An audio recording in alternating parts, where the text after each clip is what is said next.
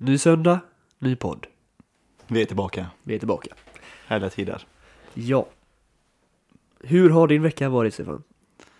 Ja, eh, den har väl varit som de alla andra skulle jag säga nästan. En väldigt standardvecka för min del. Intressant. Nej, absolut inte skulle jag säga. Det är jävligt tråkig. Ja, jag bara en, eh, det känns som att jag bara levt, inte gjort så mycket. Men du Jobbat. har jobbat. Ja, jobbat. Det är Inget... Mer än vad jag har gjort. Ja, just det. Ja, det är, det är fan något. Ja. Men jag kan ju säga, det är ju, din vecka har ju varit lite mer eh, experimental än vad min har. Ja, då. Förra, Förra veckan var jag extremt trött. Även när vi poddade. Så eh, hela veckan har det varit lite kaos. Ja. Eh, måendemässigt. Men den här veckan har jag eh, varit väldigt noga med mina rutiner och allt sånt. Eh, jag, skulle har inte satt dem helt hundra ska jag inte säga, men jag har varit väldigt mycket bättre än förra veckan och det är en sån extrem skillnad. Ja, det får vi, fan det kan vi prata lite om för att du sa ju till mig förra veckan att du mådde inte så jävla prima så att säga. Nej, Och det var ju på grund av, trodde du då, att du fuckat upp det med eh, rutinerna, sömnen och sånt. ja, jag slarvade med sömn, jag slarvade med träning framförallt. Det är framför Tror jag. allt säger Ja, jag tror framförallt träning för att jag, vi hade ju eh, Jag var ju rätt noga med att träna på egen hand eh, efter allt i, eh, efter vi kom ut från psykiatrin och det. Och sen eh, när fotbollen drog igång så liksom tog det över så då körde jag fotboll istället för egen träning. Och när vi gick på uppehåll med fotbollen så så hade det svårt att komma tillbaks till egen träning. Ja, Men nu har jag kommit tillbaka! ja vad gött. Ja, det är så jävla och det, gött. du känner eh, att det är jävla skillnad då alltså? Ja, det är brutalt faktiskt. Nu, jag, jag har gått ut och sprungit. Som för övrigt, är, jag tycker inte det är så kul. Men det är väldigt skönt efteråt. Ja, Eh, och sen har jag börjat klättra med några kompisar. Klättra på klätterväggar. Det är askul. ja fan vad nice. Ja, det är väldigt mycket roligare än vad det låter. För det, det är fan riktigt roligt. Jo men jag har testat och det är fan skitkul faktiskt. Ja, Men det är det man får göra då om man känner att, eh, för att vi båda två har ju läst på lite angående just träning och hur det påverkar ja, hjärnan så att säga och välmåendet. Och eh, man får där hitta sin egen, sin egen typ av träning. Ja. menar, man behöver inte gå ut och springa för jag vet att det är inte många som gör, gillar att göra det. Nej, alltså det viktigaste är ju bara att man gör någonting. Ja, Du kan gå ut och ta en promenad eller vad som helst. Det går ju, alltså det, jag tränar ju mestadels för huvudet, att må bra, men sen får man ju liksom den fysiska träningen också, så du mår ju, alltså det är ju motivation när man ser att eh, det händer någonting med kroppen liksom. ja. De sex gubbarna på magen börjar ploppa fram igen. Är det så? Letat, fram, letat i varje chipspåse, men de har inte varit där. liksom. men nu eh, Ja, börjar ja. de eh, titta fram lite för sent nu känner jag. Det är ju fan, sommaren är ju nästan slut. Nej, så ska jag säga. Nej. Men fan vad kul. Men då, eh, det är någonting du då skulle rekommendera till folk som eh, känner att, om vi säger första steget kanske är att ta tag i sina rutiner om man mår då lite dåligt. Ja, det är verkligen. Sömnen. Sömn, träning, Hur, vad, hur ser det ut då en vecka för dig rutinmässigt? Om du skulle säga, om du skulle ha en bra vecka. en bra vecka. Det är att eh, nu, är, nu är jag ju dock ledig. För vår, jag jobbar på skolan och den är ju helt stängd nu i fyra veckor. Så nu har jag inget jobb inplanerat då. Så nu kan jag verkligen tänka på mig själv bara. Och då eh, försöker jag att gå ut och springa på förmiddagen. Någon gång, eh, jag kanske vaknar vid eh, en bra dag, kanske vid nio. Eh, försöker springa innan lunch i alla fall. Eh, och sen försöker jag hålla alla eh, mat, alltså äta både frukost, lunch, middag är det viktigast och så något mellanmål däremellan. Och sen gå och lägga mig vid eh, runt 11 kanske ungefär. Jag är inte så spiknoga med alla tider och sånt. Eh, och sen få i alla fall få ut de här de timmarna man behöver i sömn. Det är bäst. Det vet man bäst själv. Mm. Jag brukar lägga runt eh, 7-8 i alla fall. Eh, så det är väl det. Alltså det är inte så komplicerat egentligen. Nej men det, Det- det är inte komplicerat absolut inte men det är fan svårt alltså. Ja det är det. För det, det är du har svårare. ju, speciellt nu när man inte har jobb, när man inte har någonting du måste ja, Man har anpassa nästan dig för efter. mycket tid. Ja men det är ju det, jag du, du behöver inte gå upp klockan sju till jobbet. Nej. Utan du kan gå upp egentligen 12 om du vill, för att du har ju semester nu. Ja. Det är det som gör det absolut mycket svårare att hålla rutinen när man inte har någonting att anpassa sig efter Ja, än dig själv. ja Då verkligen. kan det ju lätt bli så om du känner, ja men eh, klockan är 11 jag ska gå och lägga mig. Fast gubbarna vill att du ska hänga med på någonting och så blir det ändå att det blir typ till eh, två, tre Eller om du ska sitta och spela, men fan vet vad, du bara känner Ja, det är ju fan 11 på semester, jag kan inte lägga mig nu tänker jag mig. Alltså grejen är, jag tror det viktigaste är, jag är inte så här som sagt supernoga med dem. Jag försöker, jag försöker alltid hålla med dem, och när man, men eh, säg att jag skulle gå ut eller vad som helst i, ehm, i veckan liksom, så det blir en sen kväll, kanske kommer hem vid två, tre eller något sånt. Eh, det viktiga är att man kommer tillbaks till rutinen efter det, så att man liksom faller, man har någonting att falla tillbaks på hela tiden. Och inte hamnar i något, eh, alltså något, någon trend att man ska, att det alltid blir fel Mm. fel rutiner för en själv då. Det var det som hände förra veckan, att jag blev slarvare och så bara spann det på så man fortsätter slarva liksom. Ja, du vände typ på dygnet till slut ju. Att du, Exakt. Då blir det att du la dig tre varje natt och så vaknade du 11-12 och så. Ja, och slutade med träning, alltså jag tränade Ja. inte ordentligt och det blir som en ond cirkel då, liksom man, man eh, tränar man så blir man inte lika, eller om man inte tränar så blir man inte lika hungrig. Nej. Och så slarvar man med maten Ja, just det. och så slarvar man med sömnen och så blir det bara, allt blir, eh, Allt blir, allt blir pannkaka. Ja, just det. Så är det ju. Eh, Men det känner du då att det har, att det har påverkat ditt välmående då, jävligt mycket då, rutinerna denna veckan. Ja, Så du mår jag är hur mycket piggare som helst. Så du kan eh, spela ett bra avsnitt idag då. Det kommer bli ett asbra avsnitt idag. Det var riktigt dåligt förra gången faktiskt. Nej, jag skojar bara. Jag var riktigt trött förra gången. Ja, nej. Så att man men- lyssna på dig. Men jag tycker du, var, du pratade väldigt gött i förra Jag gången. är alltid trött, så det Ja. man märker aldrig. Allt bra. Ja, det är bra. Ja, men eh, ja, annars eh, rent, vad ska jag säga, poddmässigt för oss två då. Har vi ju snackat lite ihop oss hur vi vill, vi har en liten vision framöver nu. ja. Det är mer än vad vi har haft innan. Ja, det har vi verkligen. Vi har inte haft någon vision alls. Vi har liksom tagit det som det kommer. Men nu känner vi ju att det går så pass bra. Om Ja. vi får uh, höja oss lyssnar. själva till skyarna lite. Ja. Folk lyssnar, folk öppnar upp sig för oss. Och eh, namnet på våran podd då, Goda Cirkeln. Där känner vi ändå att det, det har verkligen öppnat upp sig och expanderat nu under eh, bara de här tre veckorna vi har haft podden. Eller vad säger du? Ja, jag håller verkligen med. Det, Ja. har, det har redan blivit en eh, form av god cirkel. Ja, här, liksom. men- det, det menar ju då att vi kan eh, människor man träffar liksom, vänner som har hört podden kan ju öppna upp sig på ett annat sätt för en nu när de förstår eller känner någon typ av tillit till dig eftersom att du själv har kunnat göra det. Då blir det Ja. liksom, ja men då kan de också, man, ja fan vad kul eh, Stefan och höra att ni öppnat upp er. Jag har också mått ganska dåligt och så kan vi prata om det och så öppnar de upp sig, kanske för mig för första gången också för någon. Eller exakt. inte, det spelar liksom ingen roll egentligen men att det blir ändå en man kan öppna upp sig för varandra och prata om eh, saker och ting på ett annat sätt. Det är väldigt mycket lättare att ta upp ämnet när man har hört att eh, vi har pratat om det innan. Ja. Så bara, "Ja, jag hörde den podden och så drar de egna historier. Och Exakt. Det blir, ja, det blir, det och det är väl väldigt så, bra. tänker vi, att det måste vara så generellt utanför poddlivet också. Alltså jag tänker om det är ett kompisgäng och en av dem kan öppna upp sig och säga berätta sina känslor, då kanske de andra också vågar göra det också. Det är liksom mer den, eh, alltså den stigma runt eh, det här snacket då, att det är, det är inte bra att må dåligt och det är det som stoppar folk från att prata om det. Ja. Men det ska vi faktiskt komma in på lite senare tänkte vi. Men Yes. först vill vi säga angående vår vision då för det här. Det är att eh, vi har ju nu fått väldigt vi har ju snackat om lite innan. Att eh, om det är folk som har egna historier eller folk som vill prata, eh, gästa, så får de absolut göra det, bara höra av sig. Och det har faktiskt förvånansvärt ja, det är helt stört. fått respons på att det är många som vill komma hit och prata om det, och prata om sina historier.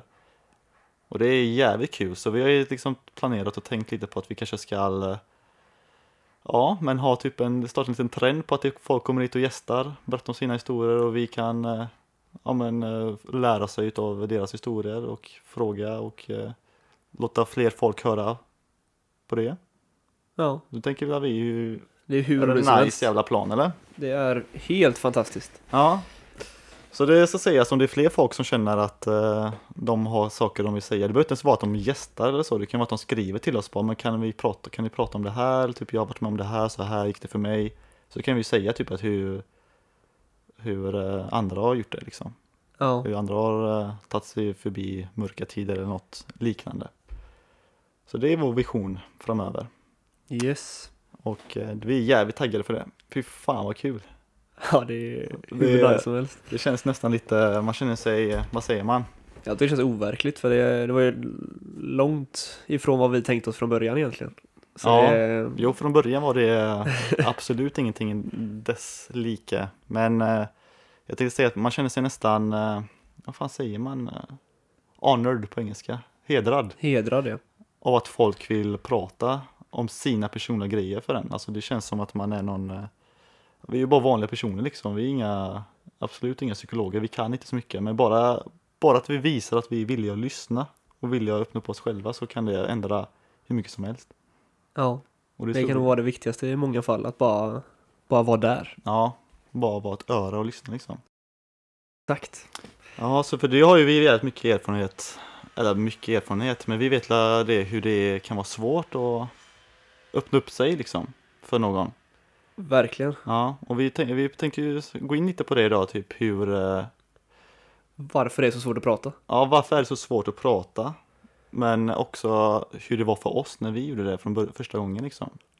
Vad var det som var svårt för oss och vad var det som eh, gjorde att vi inte gjorde det från hela första början?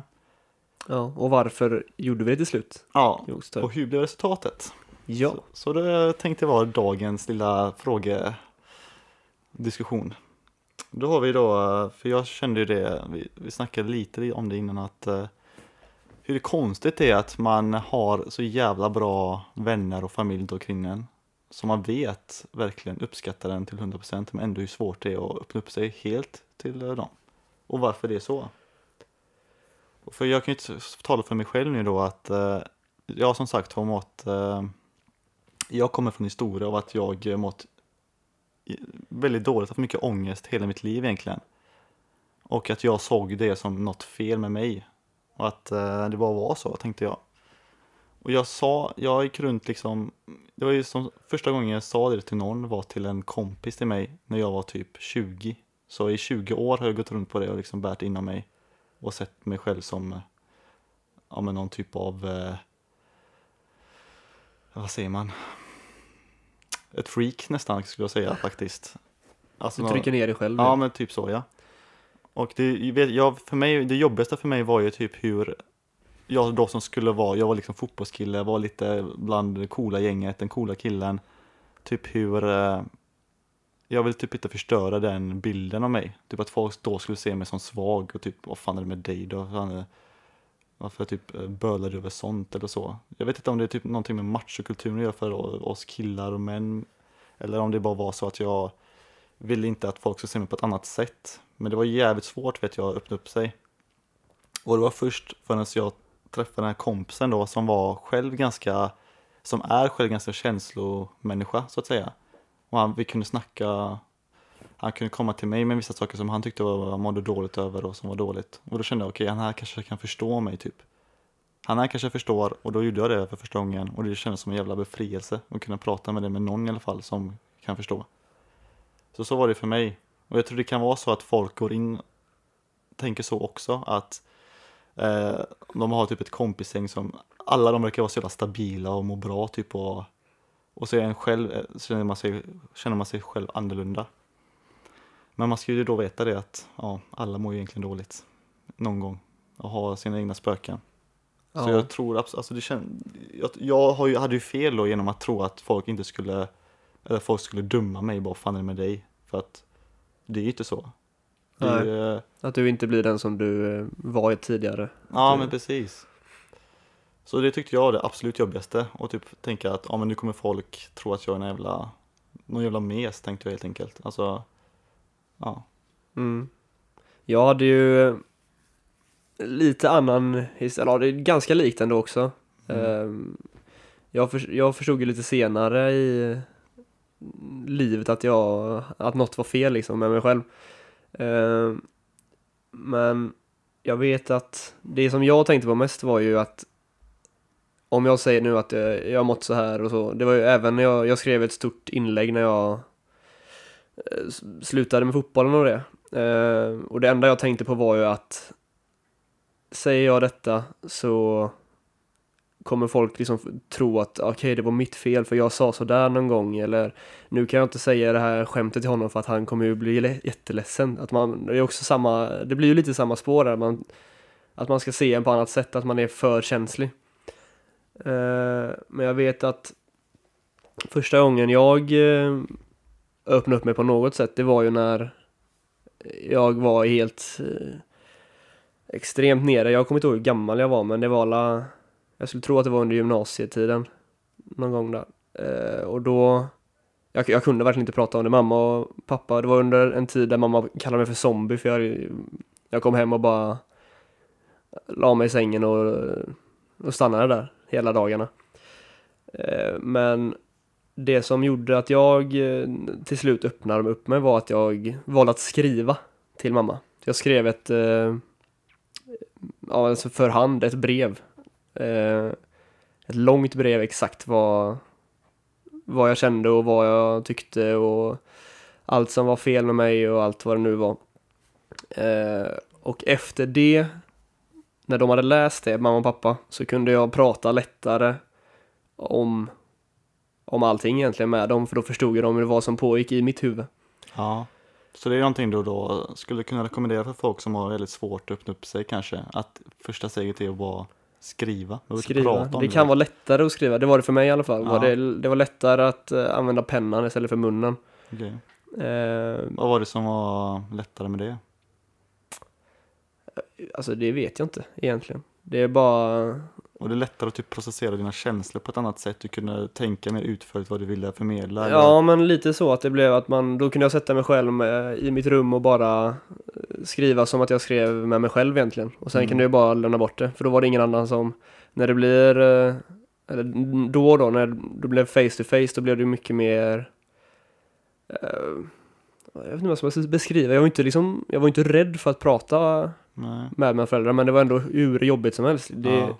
När man är i den, eh, s- vad säger man, den dalen och Mm. mår på det sättet så av någon sjuk anledning så är det det sista man vill är att prata. Det, Ja. Man vill ju bara gå och lägga sig i sängen och dra täcket över huvudet och försvinna. Men eh, eh, då kan man ju ligga under täcket och skriva till sig, eller med sig själv och sen var det lättare att ge pappret till mamma då i det här fallet Ja.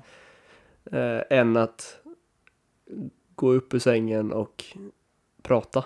Jag tycker det låter som en sjukt jävla bra grej faktiskt. Ja, jag vet inte, men det var det som hjälpte mig i alla fall. Det var, eh, och det kanske kan eh, vara ett tips från andra också. Ja. Ehm, ja, men så började min, eh, det var första steget jag tog för att eh, öppna upp mig överhuvudtaget då. Och det Ja. var ju helt otroligt svårt innan det. ja. Vad var det som var så svårt innan det då? Du kände att det... Ja men det var ju det liksom att man var ju rädd för Eller för det första för mitt problem var ju också att jag inte visste vad Alltså jag, du har ju väl, du var väldigt medveten i tidig ålder att du har mycket ångest och sånt Ja. Hade jag tror att, hade någon frågat mig under typ Gymnasieperioden, har du ångest och sånt? Hade jag, jag tror inte jag hade fattat själv att jag hade det Mm. För jag var så omedveten av allting Det var ju senare tid eh, eh, I, vad blir det nu då? 19 20 års åldern där också Där jag fattade att okej jag är ju Någonting står ju inte rätt till Ehm, Men då var det för att du kände typ att folk inte skulle kunna behandla dig på samma sätt som du blev behandlad innan. Typ att Ja. det skulle vara lättare med Andreas. Tänk på att Andreas mår dåligt. Tänk på att han... Exakt, att man är, man blir lite som du säger, man blir lite mesig att Ja. man blir Det är en svaghet att inte kunna Ta all skit liksom Mm. Och även sånt som inte var skit. Men eh, eh, Ja, det och att man inte Och att man skulle sätta någon skuld på folk Tänkte jag, alltså, mycket alltså det var jobbigt att Jag trodde att Säg att du har eh, Bara dratt något skämt eller vad som helst Och så efter det så skriver jag att jag mått asdåligt och då kanske du tänker Oj, det var ju ett På grund av att du sa det skämtet kanske han, han kanske tog asilla upp liksom Han kanske mår skitdåligt för det Så man tänkte ju vad alla andra Mm. så att de inte skulle få några skuldkänslor över det här, all, över mitt mående. Och det ska ingen ha, för det är verkligen någonting som är i mitt huvud. Men Ja. eh, eh, det var i alla fall så jag tänkte. Exakt. Jag tror eh, egentligen om det är så att man eh, Jag tror det värsta man kan göra egentligen är att behandla någon annorlunda efter man får höra något sånt. Alltså Jag tänker eh, ja, det är klart du ska hjälpa till och sånt på, på ett annat sätt om du hör att någon mår dåligt. Men typ att behandla den som en svag person eller var försiktig med vad du säger till den personen. För att om det är din vän liksom, så är den, den är ju vän med dig av en anledning. Det är ju samma person. Ja, det är ju samma person och fortsätt att vara den vännen var. Det är det man egentligen vill att eh, Jag och mina vänner vill att, jag ska, vill att de ska vara som de alltid är. För att jag älskar dem för de de är. De ska inte behöva ändras för min skull. Det är ju absolut inte det rätta man vill. Nej. Så det, det tror jag är något jävla många kan känna. Jag, alltså det, fan vad jag mådde dåligt över det alltså. Över att folk skulle se på mig annorlunda alltså. Att jag känner mig som, jag vet inte, det typ, jag tror det kan handla om att man själv i yngre dagar uppfattade psykisk ohälsa som något som bara svaga hade kanske. Det kanske var sånt i sitt gäng typ att jag vet inte, man, det, det fanns typ inte tanke på att det är någon som har det. Eller jag har inte blivit, eh, när jag var yngre då, i typ tonåren och sånt med sina ja, men, kompisgäng och sånt. Det var ju inte någon som sa typ att jag mår dåligt på riktigt på det sättet för mig, så man, man visste inte hur det var. Men jag tror mycket att det kan vara beroende på att man inte vet vad det är. Alltså, Ja men jag menar det, jag visste inte vad det var, jag visste inte, nej. jag tänkte det är det är något så fel svårt. på mig alltså. Det är svårt att förstå vad det är också. Ja. Jag, jag själv hade jätte, jag fattade ju jättesent vad att jag hade något problem i huvudet. Så, för att om man tänker det klassiska liksom att om man har brutit benet, då har du ett gips på, då kan någon komma fram och fråga vad, vad har hänt? Och då bryr man ju sig liksom, oh shit vad tråkigt att du ramlade och det gick så. Alla kan ju ve- vet ju hur smärta känns, liksom fysisk smärta. Exakt. Så alla kan ju relatera, åh jävlar vad ont det där måste ha gjort. Ja. Men det är ingen som säger om man går och är lite lätt deppig, det är ingen som frågar, eller det kan ju hända, men det är inte ofta någon frågar bara vad är det, Mm. alltså hur mår du på riktigt? Ja. Det är inte, det är svårare för det är så abstrakt på något sätt att det Ja. blir, eh, du kan inte ta på det riktigt, du ser det inte ordentligt. Så därför tror jag också att det är svårare i yngre åldrar att förstå vad det är som händer. Ja, absolut. Eh, och så kan man ju tänka, som jag tänkte då, att andra är inte med om detta, så de kommer inte förstå vad det är som är så jobbigt för mig. Att man är ensam med Ja, allting. exakt. Och att det känns då som att, eh, ja, om jag säger detta nu så kommer de tro att det är något som jag trodde att det är något fel på mig liksom. Och då blir det bara värre, då blir jag bara utstött och Mm. utstött. Och det är fan det läskigaste som finns för en eh, ung kille eller tjej då. Mm. Man vill aldrig vara utstött från sina Jag skulle säga att det är lite läskigt nu också. Ja, så är det ju också. Men ja, det då. Varför, eh, eller hur kan vi sitta här och säga så här då? Vad känns det, hur kan det kännas rätt för oss? Det är väl för att man har tagit det första steget, skulle jag säga. Och att det nu blir, för oss, speciellt oss två, vi har ju pratat mycket om det. Så för oss är det ju mer normalt snack. Att man, eh, att det inte ska vara så stor grej att öppna upp angående sånt. Nej. Man ska kunna säga, idag mår jag inte bra alltså. Ja. Och det är inget speciellt som har hänt, men för oss två är det inte det, för vi, vi har ju kunnat säga så till varandra. Ja, Fan vad du har haft en jävligt jobbig vecka alltså. ja, Och för oss har det varit, ja, vi förstår. Men för, det är ju inte så för alla, det är ju det som är så jävla unikt, eller det är inte så. Jag är bara jävligt eh, välsignad känner jag mig att ha dig som vän som jag kan prata med så med liksom. ja och detsamma. Man, man, inte man ska alla som har det. det. Nej, Och hur gör man med dem? Alltså hur ska man försöka få dem? Det är ju så jävla lätt, du vet ju både du och jag du, att man gräver ner sig i sig själv och tänker Fan ändra på dig nu, kom igen nu och var normal, var, ja exakt nu säger jag normal med lite, alltså som man trodde då ska vara normal. ja. Jag såg att du gjorde två rörelser med fingrarna som Vad heter situationstecken. det? Ja, situationstecken. Ja, det var det. jag sökte det men kunde inte komma på ordet så jag... ja, och det är skitsynd. Ja. För dem då? Det är de vi tänker på i första hand kanske. Ja, alltså det första är ju, eller om vi pratar från egna erfarenheter så är Ja. det första steget att öppna upp sig för någon. Och då tänker jag någon, det kan ju vara familj, vänner, men även att ta hjälp av psykologer eller liknande. Där alltså det, det är deras jobb egentligen, att ta emot Ja, och lyssna. Och vara närvarande i eh, deras situation. mm. Så, men jag tror det viktigaste är bara att ta det steget, att förstå att okej, jag behöver verkligen dela med mig av det här.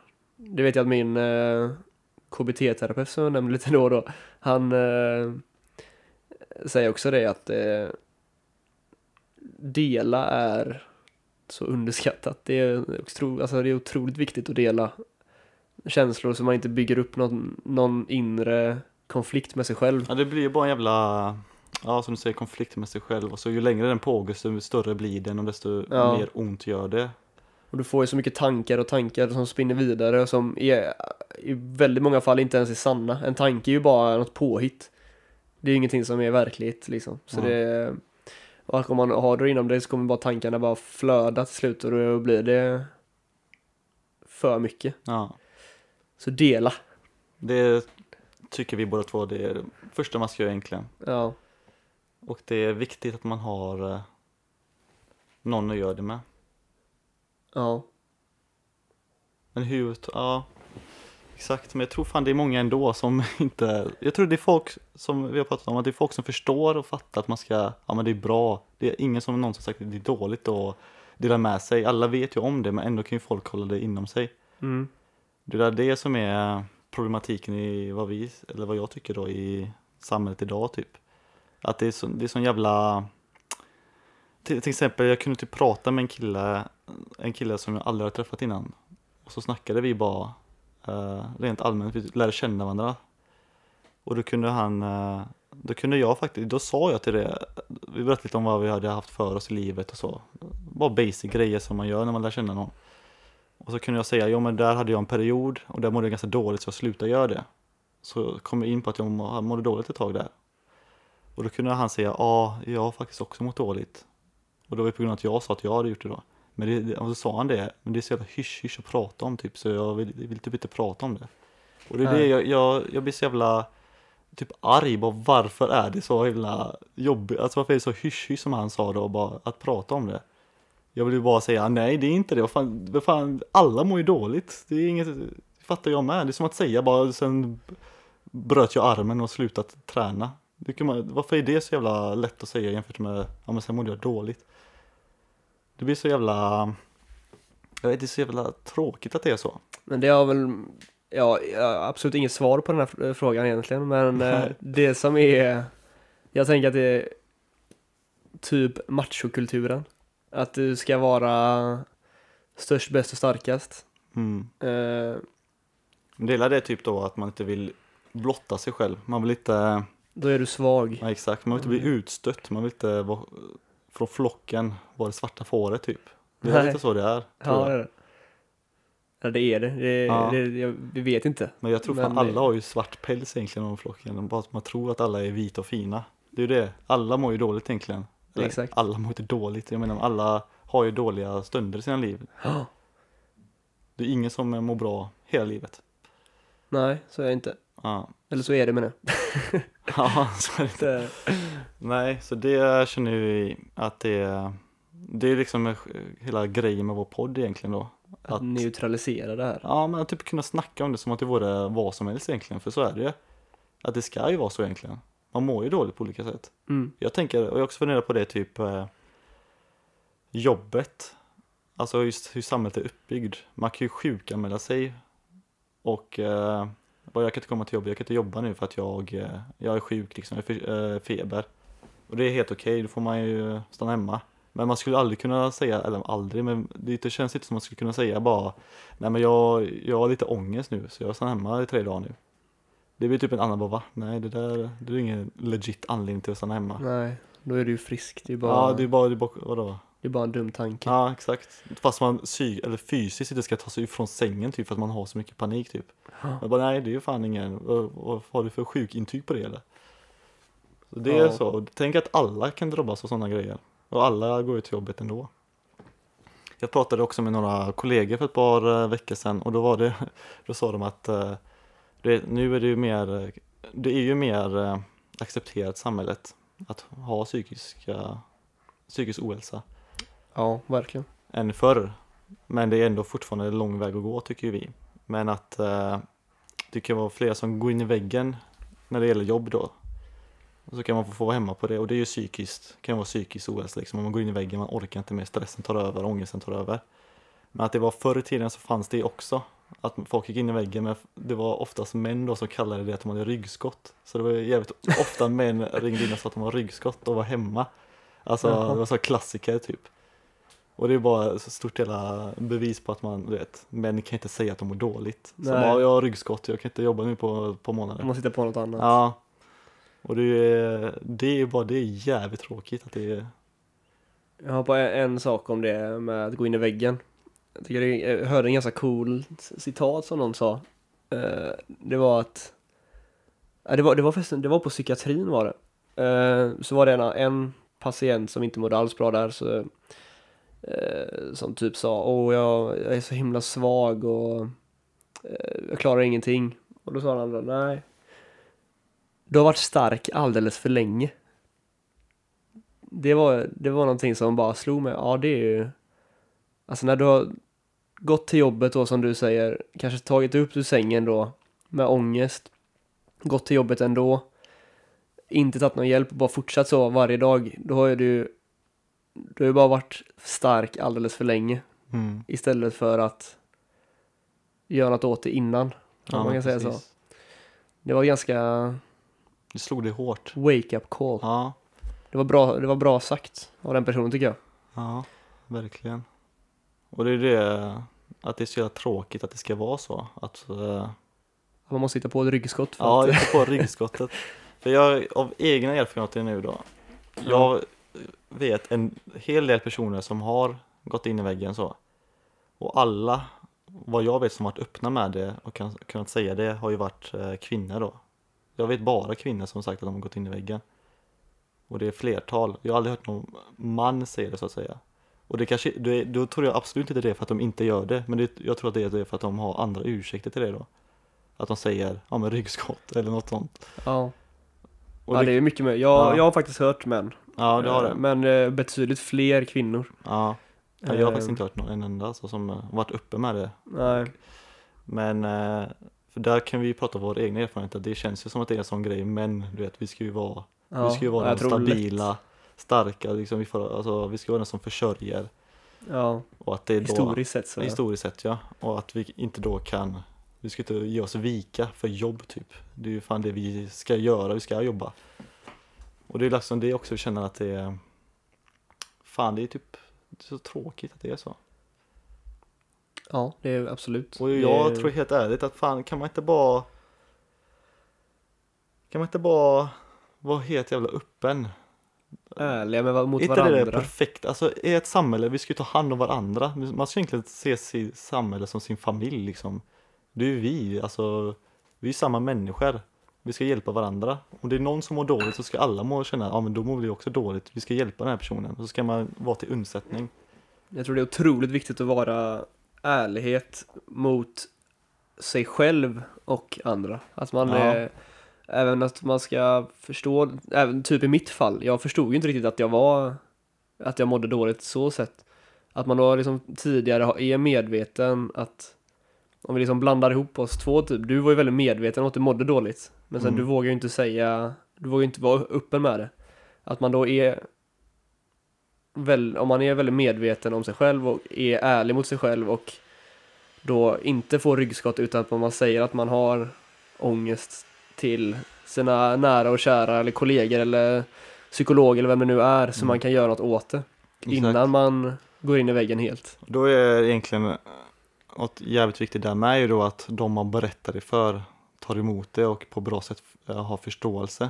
För det absolut Exakt. värsta är om man ska blotta sig. Man, ah, här har du mitt, min historia, mitt hjärta får jag, jag ger det till dig. Och så kommer de och knivhugger det. Alltså det Ja. känns, alltså det är det som är det läskiga. Man, man blottar sig när man eh, öppnar upp sig. Det är det man gör. Ja, och om verkligen. då någon eh, eller några bara, ja men vad fan det är ju ingen, kom igen, kom till jobbet bara för helvete. Det ju- du kan inte ligga hemma där och må dåligt för fan. Det är ju det, är ju det värsta man kan höra då. Det är ju fan, då skulle, jag vet inte fan om jag första gången jag så öppnade upp mig på riktigt fick höra något sånt typ, då hade jag aldrig gjort det i mitt liv igen. Nej, Jag hade verkligen inte. ju aldrig vågat göra det igen. Så det tror jag är något jävligt viktigt att folk, att man lyssnar typ, att man vill vara, alltså hjälpa människor i sin omgivning Mm, medmänniskorna. Inte bara vänner och familj, liksom alla. absolut. Det är otroligt viktigt. Så kom bara hit på den jävla poddjäveln, bara snacka om era historier. Släng in allihopa, snacka tillsammans. jag var, Gruppterapi. ja gruppterapi här ja, varför inte? Nej men jag tycker fan det. Och jag som sagt, tack vare att jag har gjort det med den här hjälp med den här podden och sånt. Att jag har öppnat upp mig, att folk då öppnar upp sig tillbaka till mig. Då blir det en jävla, God då cirkel. blir det en god cirkel, då har vi det. Tack för oss. Nej, Vi har redan klarat målet. Nej men det känner vi direkt och det är så jävla frustrerande för vi vill ju få ut detta till folk också. Bara, vi lovar det, det kommer bli bra, det kommer bli, Mm. ni kommer må bättre av att öppna upp er för folk som eh, bryr sig om er liksom och det kommer bli en god cirkel, det kommer bli eh, alltså ljus. För att det är så jävla skönt, det finns inget bättre och det håller du med mig om Andreas att när folk liksom förlitar sig på dig och vill ha hjälp av dig och det finns fan ingen bättre känsla i världen alltså. Nej, verkligen inte. Alltså, man blir så... Och de lyssnar på dig, vad du säger och du lyssnar tillbaka och tillsammans skapar ner ett band som är så jävla starkt typ. Ja, Vi är här för varandra, det blir typ ett broderskap som är, ja, det är helt sjukt. Man blir så... Det är som du, säger, som du sa innan, man blir ju hedrad av att, att få den liksom äran att ja, få dens historia. Och sen när man då tar vara på det och gör absolut bara, ja, men bara så lyssnar och gör det man kan. exakt. Och det, alltså grejen är så här att man, gör man någonting för, gör man en persons dag, då är din egen vecka gjord för att du, du kommer må så bra hela veckan för att det är, Ja, exakt. så det, du gör någonting för någon annan är helt underbart. Så det, det det är fan det bästa. ja, Jag tror fan det är typ något, alltså det är fan en mening, alltså meningen i livet för mig typ alltså. Jag känner att jag hjälpa så många som möjligt. hjälper andra, sam, alltså jag vill vara del av ett samhälle där folk hjälper varandra i allt liksom. Ja, Det ska inte vara någon där stigma runt eh, psykisk ohälsa. Så det känner jag, jag vet att när, vi, när du kom från psykiatrin ut därifrån, då sa ju du att du kände att du inte har någon mening. nej. Nej, inte meningen, men jag kommer ihåg att jag kände att jag, jag kommer aldrig må bra igen. Kommer kommer ihåg att jag kände. Att jag, Jag, vet att vi snackade mycket om meningen med livet. Ja, det gjorde vi. Vad är min plats på jorden typ? Vad ska Ja. jag göra? Det, ja, det var i och för sig också det ja. Ja. Att vi, jag, jag, jag visste liksom inte vad... Jag hade, jag hade så alltså jag var ju så tom då. Jag hade ju noll hopp egentligen. Jag, jag skulle, I mitt huvud skulle jag ju inte finnas längre där. I det, det är den stunden. Mm. Men eh, jag valde, jag sa ju till att jag kommer, jag lovar det, så jag kommer göra allt nu för att det ska bli bra igen. Och vi, och en extrem stor del i att det är så bra som det är just nu är ju att vi regelbundet har pratat om det här, om mående, även om man mår bra. Alltså det, det är ju inte så att vi måste bara prata när man mår dåligt. Nej, absolut inte. Och det, men det gör så otroligt mycket när man pratar när man mår dåligt. Mm. Och det, man växer ju så otroligt, alltså det är helt sjukt. Ja, det Att bara man. dela och, som förra veckan, då, vi snackade när jag, jag hade ingen bra vecka alltså, jag var, det var en trög vecka och det var mycket tankar och allting och då sa vi det, vi snackade om det, jag ändrade mitt beteende eh, och den här veckan har ju varit så mycket bättre. Mm. Eh, och så kan, man, så kan alla göra. Ja, det är det som är, det är så, så frustrerande för mig som sitter här och hör hur folk mår dåligt och alltså folk som stänger sig inne och inte har någon att prata med och känner sig för jag har själv varit där. Jag vill bara, till exempel, om jag skulle gå tillbaks tio år i tiden till min lilla jag där som mådde skit och låg hemma och grät bara. Jag skulle bara, vad fan, bara prata om det liksom. Det kommer lösa sig liksom. Människor finns där alltså. Även om det är någon främling, alltså folk, det finns folk som vill lyssna. Som Ja. bryr sig. Som varit där själva som kan ge dig tips och bara stöd. Och det är inget konstigt, alla mår dåligt. Det är inte så att du, är- du är unik på något sätt, lilla Stefan. Tänker jag skulle ha sagt till mig själv då, tänker jag. Din lilla jävel. Du är inte unik på något sätt. Folk vet exakt hur det känns att ha ångest. Ångest är för fan, alla går runt med ångest någon gång liksom. Det är bara, jag vet inte, jag blir så jävla arg. Typ att det ska vara så jävla Ja, men typ som jag snackade med han killen då, främlingen, han bara, men det är lite hysch-hysch. Vad fan är det det för? Varför är det hysch-hysch? Vad fan det är... Varför... Det är bara så som det är. Ja, exakt. Det är, bara, det är bara en grej, och vi delar glädje tillsammans, varför kan vi inte dela ångest tillsammans? Varför kan vi inte dela allt tillsammans? Varför ska vissa grejer, de fina grejerna, Mm. kunna delas med alla runt omkring? Det är bara det fina som ska visas. Det, där kan ju man lätt går in på sociala medier lite lätt. Ja. Eller säger att det är bara det finaste som ska visas. Det är ju ett väldigt känt fenomen. Ja, just det det. att eller, man visar ju bara upp det alltså bästa i sitt liv. Ja men exakt, allt är ju perfekt på sociala medier. Det är en bild du lägger upp. Den är det bästa tillfället på just hela din dag. Den är Ja. till och med kanske filtrerad så att den ser ännu finare ut. ja. Och eh, ja, och så, du- och så sådana bilder lägger du bara upp när du mår som bäst liksom. ja. Och då kommer någon eh, osäker eh, tonårig grabb eller flicka som bara, ja, så där ska det vara alltså. Hon där är skitsnygg, skitkänd, hon får mest likes av allihopa den tjejen. Hon där vill jag vara. ja. Och så strävar man efter någonting som är omöjligt att få för det är ingen som mår så bra hela tiden som hon då visas, försöker Nej. visa att hon gör då. Så absolut, eh, sociala medier har gjort jävligt mycket tror jag också. Jag tror det viktiga är bara att förstå att det där är bara en, en, en tidpunkt som du säger. Att det är inte, det det är inte så vara- den, den personen som lägger upp den perfekta bilden mår Ja. inte så hela tiden. Nej, och det behöver inte ens vara så att den mår så just då heller. Du Nej, kan ju bara kan fejka ett ja. eh, leende och en fin eh, drink på en strand. Men egentligen Ja. det skit inombords. Alltså det kan ju inte, det, så, men det är så jävla svårt att få en 13-åring att förstå det liksom. Ja, De tror ju att det är liksom, jävlar vilken fet bil typ. Så där vill också jag vill bli en jä- influencer. Ja, men jävlar vad nice det där verkar vara. Kolla det livet hon har. Hon bara reser hela tiden. Fan vad nice, nya människor, nya, alltså allt verkar så jävla nice med det. Och så sitter man själv hemma där med, eh, ja, ingenting av det den personen som man tror är lyckligast i världen har liksom. Och så för att man inte har det så mår man ännu sämre för det. Mm. Och det, det är fan så jävla hemskt alltså. En ond cirkel. En jävligt ond cirkel. Och det håller vi inte på med här, Nej, på den goda cirkeln. för det går en cirkel. Nej, men, men det- sociala medier är ju grymt alltså. Vi, det, är ju, det får vi inte säga. Det är inte så att det är... Den har bra sidor också. Det är Men jag, jag har tänkt på det, jag vet inte fan om det överväger de dåliga egentligen. Alltså, vad är, för jag tänker det är så många yngres liv som förstörs alltså. Ja. Jag kan till och med, jag själv ibland kan gå in och tänka Fan, varför kollar jag på det här? Jag mår inte bra av det här. Alltså saker nu liksom, när jag ändå vet allt hur dåligt det är så kan jag ändå kolla på jävlar vad nice det där verkar vara och sen bara ja. Typ kan jag catcha mig själv bara, fan nej det behöver inte vara så Stefan. Nej. Och så kan man må dåligt av det.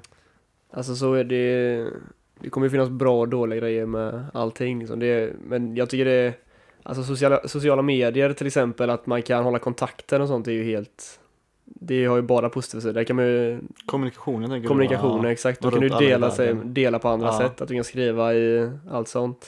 Men eh, den här fake-fasaden blir väl lite, det är väl det som är det onda i Ja. allting. Att det, det är för lätt att visa sig bara i de bästa sidorna. Kan man säga så? Precis. Och det är, ja, det är läskigt hur mycket det påverkas. Alla ska se ut på ett visst sätt. Typ de normerna, det är det som är det svåraste, att krossa normerna i ett samhälle. Dels det att inte kunna prata om psykisk ohälsa, men det är att man måste se ut på ett visst sätt. Man måste ha vissa kläder för att vara cool i det gänget. Jag, jag, och du jobbar ju, jag har jobbat på skola, du jobbar. Eh, jag har ju sett de här, alltså tioåringar som går runt med märkeskläder som är dyrare än vad min pappa har i garderoben för helvete. Och hur det är, vilka jävla typ, de som inte har de kläderna är liksom, ni fan tuntar då liksom. Inte ni det här lilla märket på det här som, som gör tröjan 2000 kronor dyrare, då är ni fan, ni, ni är liksom ingenting då ju. Nej. Det, och det börjar så tidig ålder. Ja, Och det är mobiler också. Det är så, alltså, jag fick min första mobil i väldigt hö mycket högre ålder än vad de som får sina första nu och då kunde man eh, jag kunde inte ens skicka låtar med bluetooth på min första mobil. Det var bara att ringa hem och ja men det var väl det att man var så jävla omedveten om hur omvärlden såg ut. Typ ja, hur ens, en typ Typ hur Ronaldos liv var visste man typ inte då. För man såg inte hans han Instagram var ju varje en dag. alien, man visste inte. Nej man fattade ing- man visste bara att hur han spelade fotboll och han var grym. Men man visste inte hur hans liv var utanför planen liksom. Det är för mycket information Ja, man får det- direkt i Och det är som du säger, det är dock positivt och negativt. Tänk att en tioåring kan eh, få reda på hur mycket som helst bra egentligen också. Men det är ju oftast det man går till det Det känns som att det är en sån trend att man går till det negativa hos allting och Och det där Jag vet inte, jag känner bara att det är Det är jävligt tråkigt att det är så Ja. Ja. Ja, faktiskt. Och eh, det är en annan grej är det också som vi pratade om, eh, det med komplimanger. Hur vi känner att eh, folk, det är mycket svårare att ge en vän eller så, vem som helst egentligen, en komplimang än Ja. kritik liksom. Det är mycket lättare att bara bärsa på någon liksom, bara se det dåliga i folk. Och liksom, nej men du gjorde inte ett bra arbete här och så Det var Det är skitdåligt. hetset, att man bara, att det är väldigt mycket lättare att hetsa till eh, ah shit man, eh, alltså man skojhetsar. Ja, ett, men det- ett kompisgäng jag tycker Exakt, att man hetsar om vissa olika saker som någon gjorde fel eller så. Ja, Men det är ytterst sällan eh, någon ställer sig upp i ett grabbgäng och säger Fy fan vad jag älskar er. Jag är ja. så jävla tacksam att ni finns. Det är, jag, jag, jag tror aldrig det har hänt faktiskt. Nej, och varför inte? Ja, varför är det? Varför är det så ja? Det är ju på något sätt som vi har pratat om då innan här att det, jag tror det är för att man eh, när du gör en sån grej så blottar du ju en del av dig själv, en känslig del som du är rädd för att blotta för du är rädd för hur det ska tas emot typ. Vad de ska Ja. göra med den delen av dig, typ om de ska avvisa den, då känns det ju skit liksom, det värsta som Mm. finns. Så man gömmer sig hellre bakom en, eh, ja, man, man håller det inlåst så att säga, det finkänsliga. Mm. Och hellre då bara ta det som är lätt. Och det är då skämta om saker liksom. Det är så typiskt osäkra människor gör. Liksom, eh, ja det är lättare att skämta om grejer än att vara seriös och typ Ja men jag fan, jag älskar fan dig. Kunna säga så. Lättare bara, men du fan, eh, ja men typ hetsa om någonting så är det mycket lättare. Ja, det är också, det är extremt konstigt att det är Det är ju även att ta emot tycker jag, tycker, jag tycker det är väldigt jag, jag har ju alltid haft svårt att ta emot komplimanger Inom typ fotboll och när man gör något bra, liksom den En komplimang, man säger tack och sen seglar den iväg ganska snabbt i mitt huvud för jag tänker på de dåliga sakerna som har hänt Mm.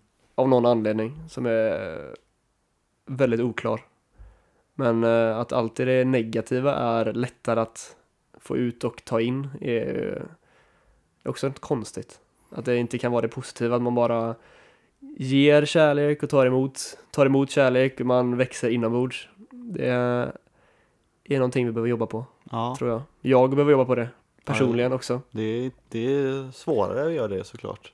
Ja, Jag tror, eh, ja det är någonting med det generellt, det är så jävla lätt att se fel i allting och lättare att se till om fel än att se till om det är fina hos någon. ja. Det är bara det med alla rubriker i tidningar. Ja, Det är exakt. ett ganska simpelt exempel. Det är när det är någon katastrof eller någon eh, skandal. Då, är det ofta, då lägger man märke till det väldigt fort. Det är det som ögonen drar sig. Bara, oh, vad har hänt nu? Ja, Står det att, eh, åh vad fin den här personen är. Så bara, ja. det drar inte till sig lika många Nej, det är, klicks om man nej exakt. Och det är, fan, det är så jävla tråkigt att det är så. Men jag, jag kan från egen erfarenhet säga att den finare och bättre vägen är fan den kärleksvägen. Alltså man får fan ett mycket bättre liv. Vad kan jag säga? Från att ha varit på båda sidorna. Jag var också som sagt jävligt osäker som ung.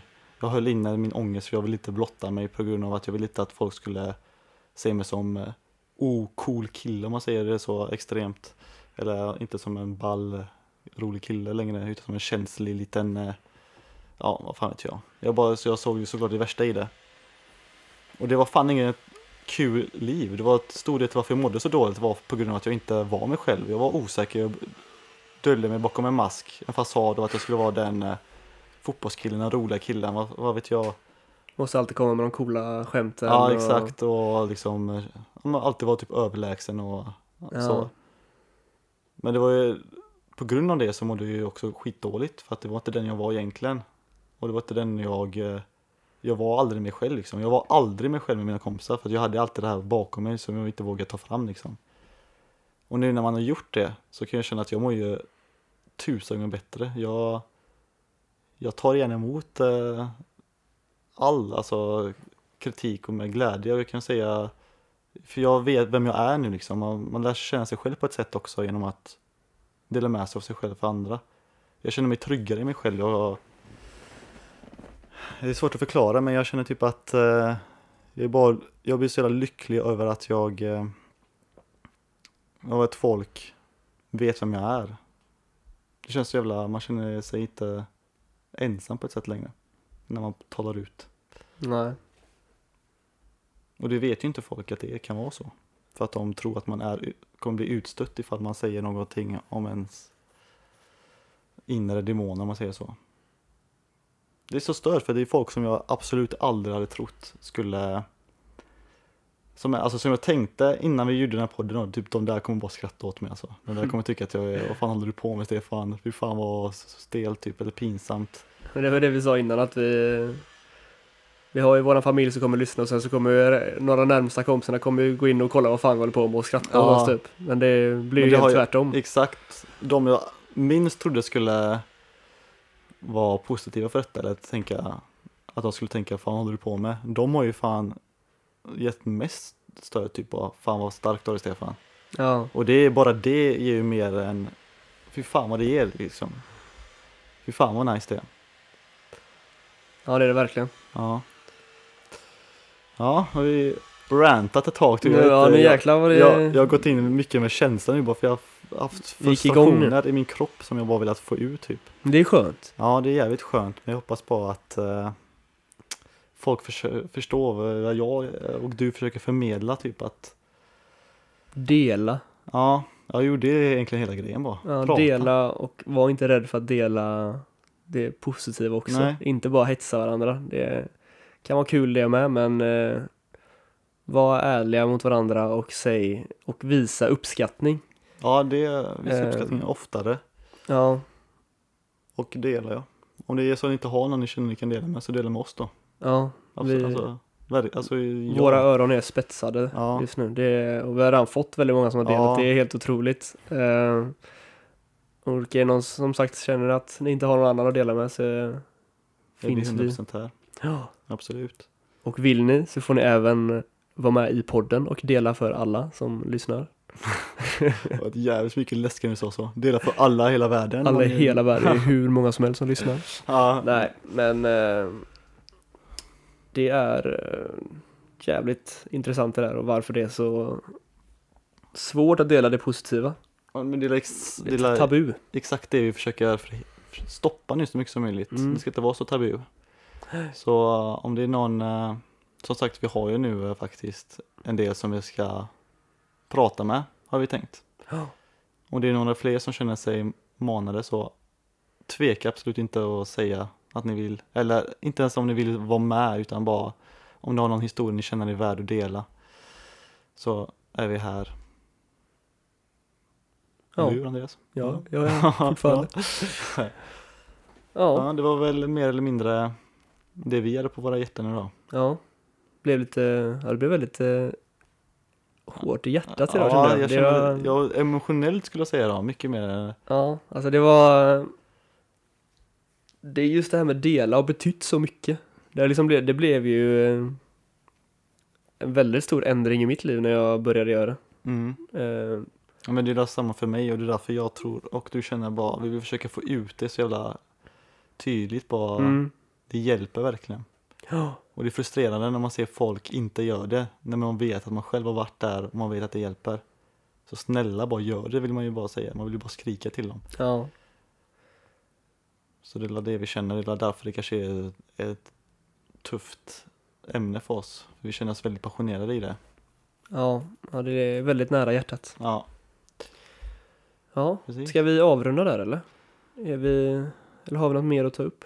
Alltså det var, vi ville få upp, typ, ta upp det att, uh, nej men eh, vad vi känner för det. Ja, Att dela med sig. Jag känner att jag har fått eh, ut all min, uh, aggressioner ja nästan Det blev nästan lite hetsigt eh, Ja, avsnittet nu, det var, man kom in eh, ja. känslomässigt väldigt mycket. Men eh, Stefan? Ja. Tack för att du finns. Tack för att du finns också Andreas. Du är världens bästa. Detsamma. Tack.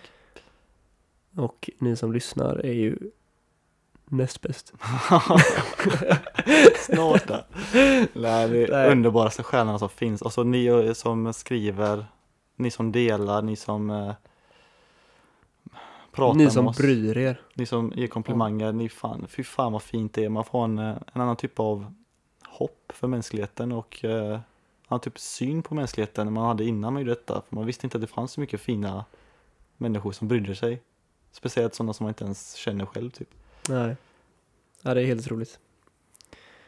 Och med det sagt så är avsnitt nummer fyra klart.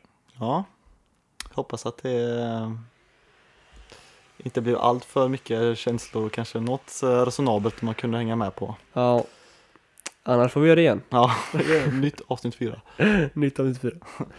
Nej, det kanske blir en part two av det här ämnet, för det här är väldigt, det här är ju nästan eh, ämnet som eh, handlar, eller hela podden handlar om. Ja, exakt. Eh, Att bara dela, öppna sig och neutralisera psykisk ohälsa. Exakt. Så det det, kommer är- ju pratas mer om det i framtiden. Ja, Men förhoppningsvis med andra människor då som kan se sitt, ge Ja. sin syn på det. exakt. Vad de känner. För det är bara vad vi känner och vi kanske har helt jävla fel. Ja. Hoppas inte det. Men Jäklar vad dåliga vi är på att avrunda. ja, vi hållit på i fem minuter nu. Ja, Nej, vi säger så. tack och hej. Leverpastej. Ha det gott.